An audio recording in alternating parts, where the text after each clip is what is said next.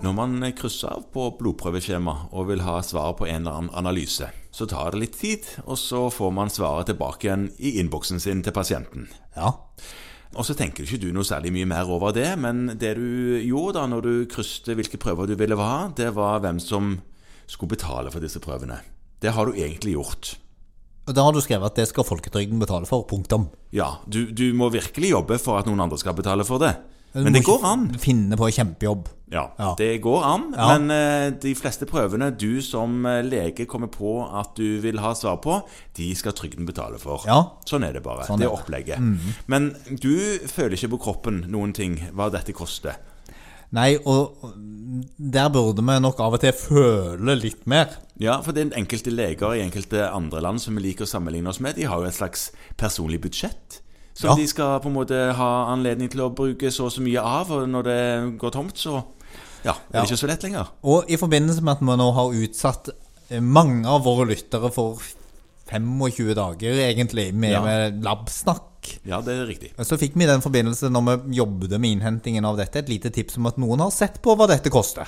Ja, Ja. visst. Og det, det er da eh, fra en god kollega av oss på Ullevål, så fikk vi tips om at en som heter Erik Amundsen Ja, han har gjort et stykke arbeid fra noen år tilbake. Ja, han skrev en sånn han er master i helseadministrasjon. Han er overlege i, i Oslo og, Mhm. og, og har sett på litt sånn på pris på disse ulike analysene. Og da fikk vi tilgang til en tabell.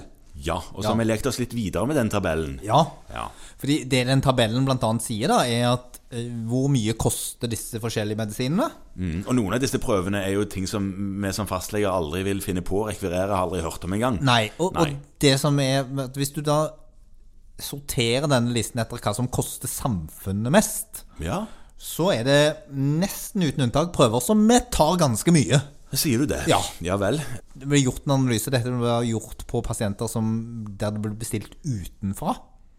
Ja. Ikke inneliggende pasienter på Ja, ok. sykehus. Nettopp.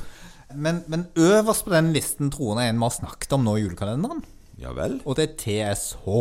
Å, den stoffskifteprøven. Ja, og det er, Den er ikke så kjempedyr i, i eh, tallmaterialet på det tidspunktet det- dette ble gjort. Nei, hva, hva kostet den prøven, da? Når dette ble publisert i 2018, Ja. så kosta den da 19 kroner og 8 øre per analyse. ja, det er jo penger, da, men ikke veldig, veldig mye. Nei, men når man tar det 2,7 millioner ganger, så blir det penger av det. Ja, Det blir sånn ca. 52 millioner, det. Ja. Det er kjapp i hovedregning, du. Ja, takk skal du ha. Ja. Men det var, det var det er penger, ja. Ja, og det, det var den enkeltprøven som da kosta oss mest.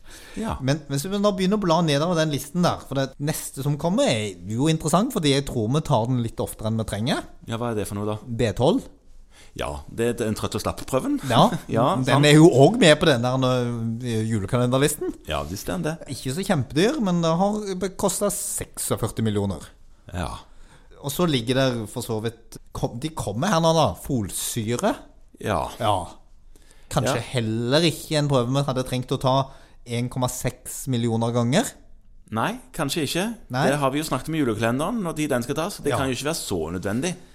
Nei. Men det som er med folsyre, det er vel at eh, det er òg en billig prøve. Men Det er billige prøver, alt dette her. Ja, som vi har snakket om til billig nå. og billig. De koster rundt 20 kroner, disse prøvene. Ja. Mm. Og det er sånn mellompris. Altså De billige prøvene koster jo ned på sånn 3-4 kroner. Ja.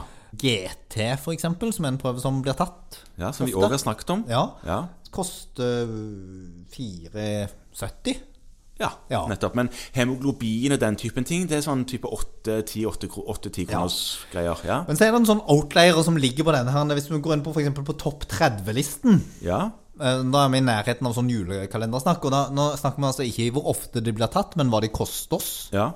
Så ligger der en, eh, en som skilte seg ut der, det var laktoseintoleranse.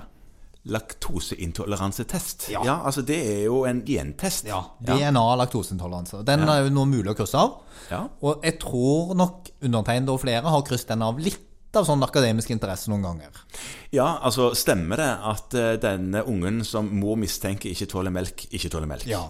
Når den kom, så var jo det litt fristende. Men så fant man ut at den hadde relativt lav eh, negativ prediktiv verdi, den testen. Altså det var fullt mulig. Og den kommer jo òg tilbake igjen med alle mulige disclaimere på at pasienten kan utmerket godt ikke tåle melk, selv om denne testen ikke slår ut. Mhm, ja, Ja. ja. Men hva koster den da? 200 kroner. 200 kroner, ja. Så den ble tatt 60 000 ganger eh, og koster oss over 12 millioner ja. for en test der svaret uansett er Hvis du, ikke drikk melk. Ja.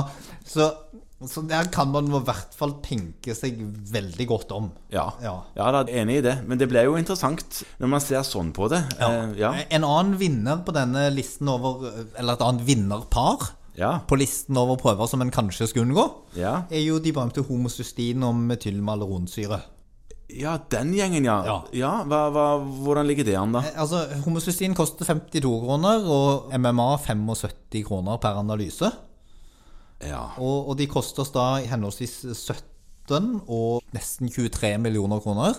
Og er tatt 300 000 ganger ca. Mm. Eh, og der er det vel også grunn til å stille spørsmålet er dette analyser som vi egentlig trenger like ofte. Ja, Ja. Nei, det kan du spørre om. Men eh, de dyreste prøvene, det er jo sånne prøver som eh, m- vi ikke tar, men de koster jo flere tusen. Ja. Ja. Men det, da tenker jeg at hvis du driver på og krysser for sånne denne sekvenseringer av DNA i, i øst og vest, Ja. så, så må man jo tenke seg om. Eller så kan du si at det er mye interessant å ta ut av en sånn statistikk. Altså, eh, jo, en sånn apropos billig prøve. Ja. Du må ta ut en av de, da. Det er da E EGFR. ja, det er jo eh, en aktuell prøve.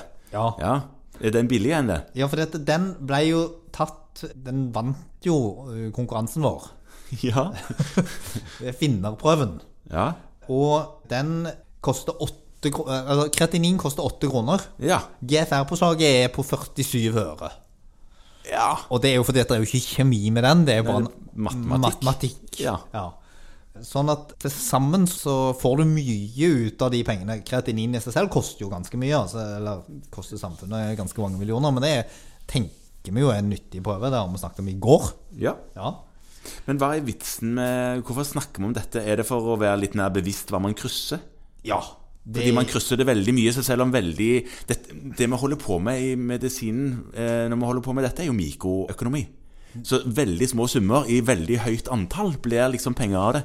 Det det er det, det gjør. Og, og poenget er at, at når man da ser på denne listen, og f.eks. ser at vitamin B9-folsyre Ja. ja, ble tatt i den tiden statistikken ble gjort, 1,6 millioner ganger. Mm. Kosta samfunnet 35 millioner. Eh, Kalium Ja. ble tatt 1,6 millioner ganger. Ja. Kosta samfunnet 7,5 millioner kroner. Ja. Ja. Sånn at noen analyser er mye dyrere enn andre. Det viktigste for å avrunde dette litt nå, fordi vi ikke skal sitte og gå gjennom hele statistikken, er det faktum at eh, når man tar en prøve, så er det en kostnad.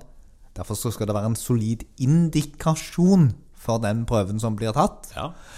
Man skal være enda mer nøktern på det å ta svære prøvebatterier.